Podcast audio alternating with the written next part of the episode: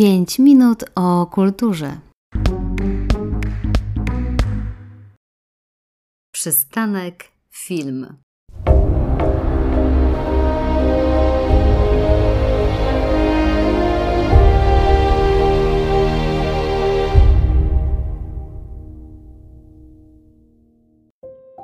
Dzień dobry Państwu. Wita się z Państwem Aneta Pisarska-Pucia.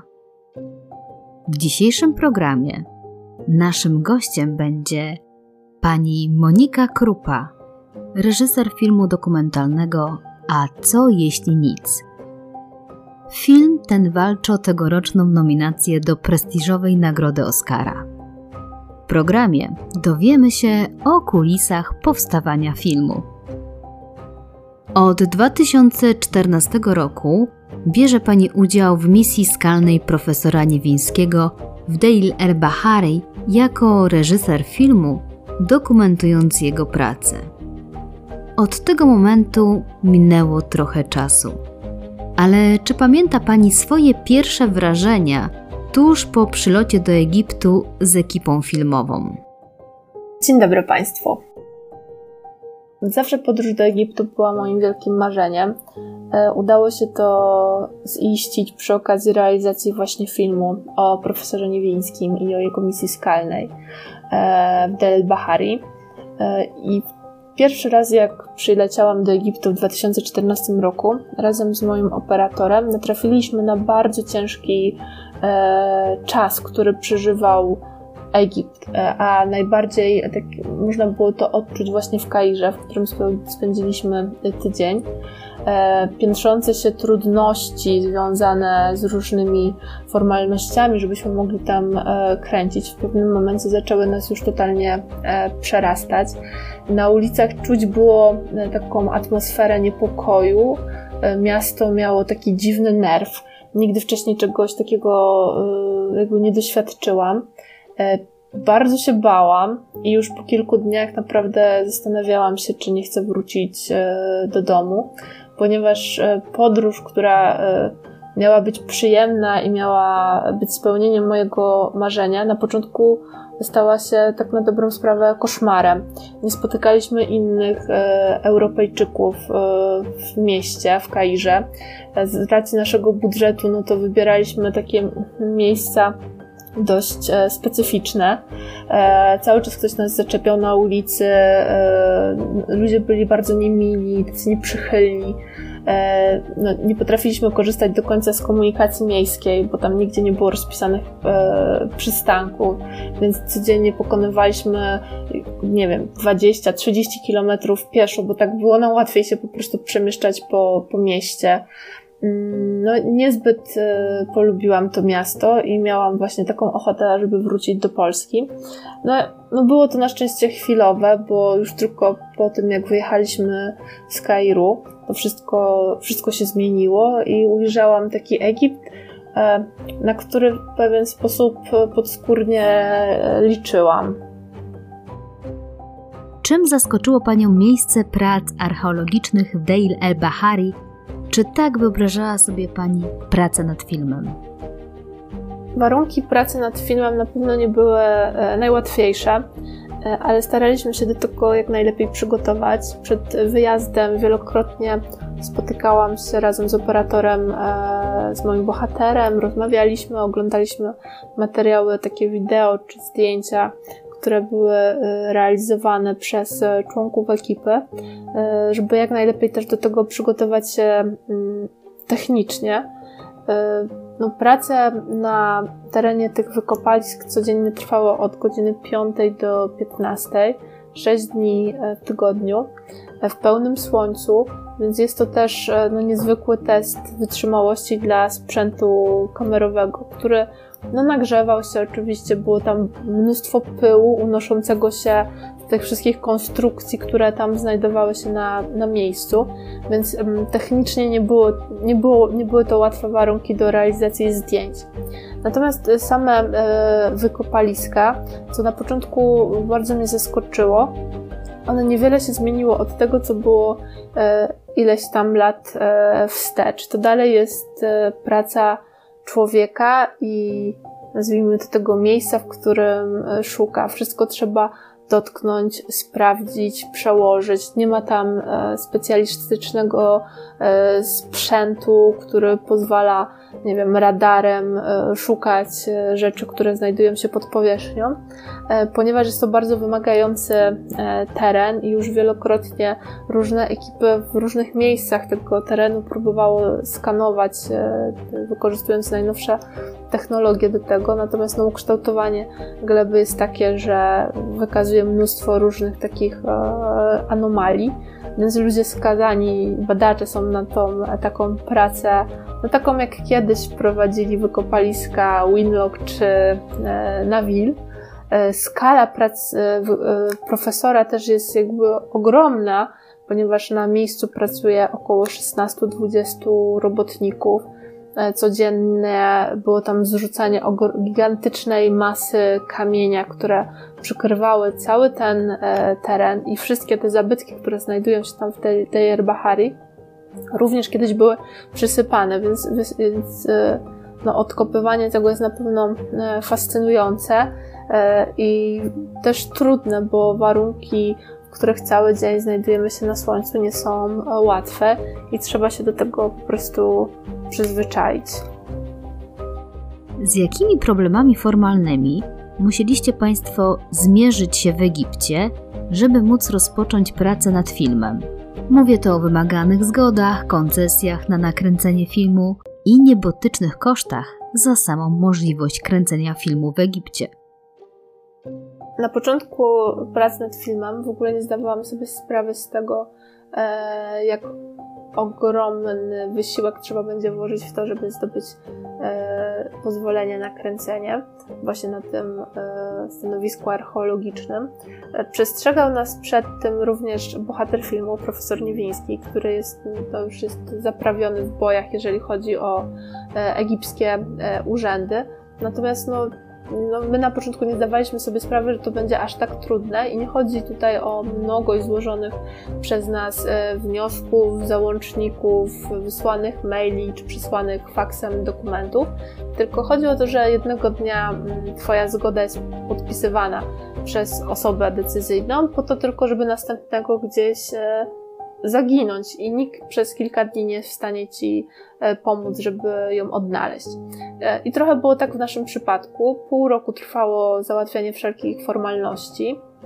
E, trzykrotnie tą zgodę na kręcenie nam przyznawano, a dwukrotnie nam ją odbierano. I na tydzień przed wyjazdem do Egiptu, kiedy wszelkie formalności z naszej strony, jeżeli chodzi o bilety, noclegi były załatwione i ciągle uspokajano nas, że jakby ta nasza zgoda już jakby praktycznie jest, tylko jeszcze nie ma tam jakiegoś jednego podpisu, ale że na pewno on do czasu naszych zdjęć będzie, żebyśmy się niczym nie martwili to na tydzień przed wyjazdem dostałam właśnie taką informację, że wszystko już jest, zostało e, załatwione, potwierdzone i że e, ta zgoda jest. E, I w momencie, kiedy ja poprosiłam o skan tej zgody, żeby mieć jednak taką pewność, że na, na pewno ona jest i tam wszystko jest dobrze na niej napisane i dotyczy tego miejsca, w którym chcemy kręcić, kontakt się urwał. Nikt nie odbierał telefonów, nie odbierał E, nie odpisywał na maile, więc trochę jechaliśmy tam w ciemno i na miejscu przez tydzień e, w Kairze próbowaliśmy e, w różnych urzędach, do których nas kierowano, dowiedzieć się właśnie, co się stało z tą zgodą i gdzie ona jest. I doszło nawet do tego, że próbowano nam oddać czyjąś, kogoś innego zgodę. No oczywiście nie przyjęliśmy jej, E, I tutaj właśnie wiąże się z tą sytuacją też pewna anegdota, ponieważ już w pewnym momencie powiedziano nam, że e, żeby ta zgoda się odnalazła, to musimy wysłać takie, takie pismo mailowo do, do komórki takiej współpracy z zagranicą, chyba tak to się nazywało. I my to zrobiliśmy i następnego dnia pojechaliśmy już jakby osobiście tam do tego urzędu, żeby no, dowiedzieć się, czy oni już tą zgodę naszą odnaleźli. I weszliśmy do pokoju, gdzie e, no, było tak gdzieś osiem biurek, e, ośmiu różnych urzędników przy nich siedziało i na biurkach były takie stosy segregatorów. No i my oczywiście zapytaliśmy o tą naszą e, zgodę, że wysłaliśmy jeszcze takiego maila, że w tym mailu wszystko tam napisaliśmy, dokładnie o co nam chodzi. Na co jedna z pań, która tam pracowała, nam powiedziała, że no niestety oni nie mają jak sprawdzić tego maila, bo ani nie mają komputerów, ani nie mają żadnego telefonu, e, żeby w ogóle to sprawdzić. I, I jest im bardzo przykro. No i właśnie na moje pytanie, no dobrze, no ale jakby takiego maila dostaliśmy no to oni, no dobrze, no mail jest, no ale my nie mamy jak tego maila e, odebrać. E, więc to była bardzo zabawna sytuacja i wtedy poczuliśmy się no, bezsilni. E, I z tego Kairu wyjechaliśmy do Luxoru, czyli tam do miejsca, gdzie profesor prowadzi badania bez tej zgody. No trochę zrezygnowani i nie wiedzieliśmy co dalej. E, I tam okazało się, że ktoś nas szukał E, więc zaczęliśmy również odwiedzać różne takie e, obiekty, w których no, może ktoś coś wie na temat tej naszej zgody. Natomiast no, nigdzie, nigdzie nikt nic nie wiedział. I już tak już na sam koniec przy, przy dworcu, jak już mieliśmy stamtąd tak odjechać do, do, do hotelu, w którym mieszkaliśmy, pojawiło się na naszym horyzoncie takie biuro obsługi tam turystycznej. No jeszcze wpadłam na to, żeby jeszcze tam zapytać, czy może jest jeszcze jakiś urząd, który my e, przeoczyliśmy. I weszliśmy do tego urzędu i taki pan wstał za biurka i krzyknął Monika, Filip, szukałem was. Mam waszą zgodę. I w tym momencie się rozpłakaliśmy i faktycznie nasza zgoda tam była i mogliśmy rozpocząć zdjęcia i po tym tygodniu takiej takiego po prostu poszukiwania i próbie odnalezienia się w gąszczu tych różnych e, sytuacji, jednak, jednak się udało. Nasza zgoda tam była. A był to świstek taki 10 centymetrów na, na, na 10, gdzie było tylko napisane moje imię i data i miejsce. I nic więcej. I to była zgoda, o którą było pół roku starań. Czy podczas pobytu ekipy filmowej w Egipcie powstały jakieś anegdoty lub śmieszne sytuacje, z którymi chciałaby się Pani podzielić z naszymi słuchaczami? W trakcie trwania naszych zdjęć w Egipcie, no wielokrotnie oczywiście zdarzały się różne śmieszne e, sytuacje. E, przede wszystkim nauczyliśmy się tego, że w Egipcie zawsze trzeba się targować. Niezależnie od tego, e, gdzie jesteś, co chcesz kupić i ile razy dziennie to kupujesz.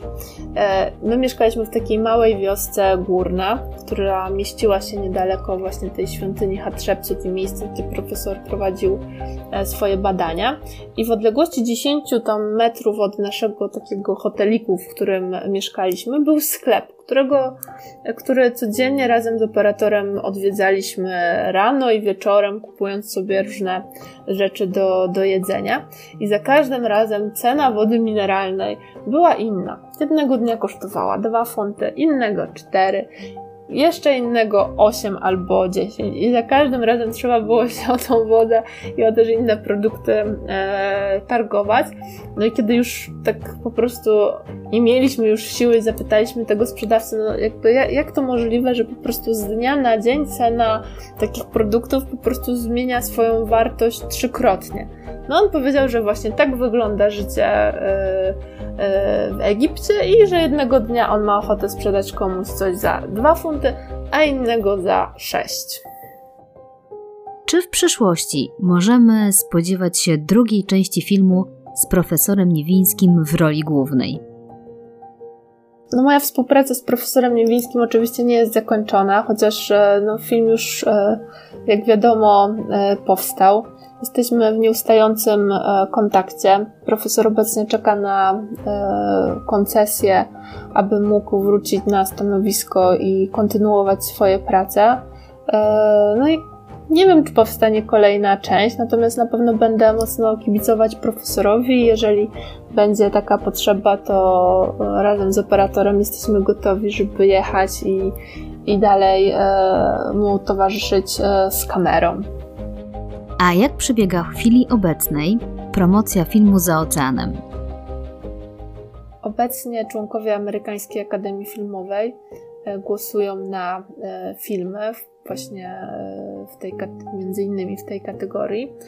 i to głosowanie potrwa od 1 do 5 lutego.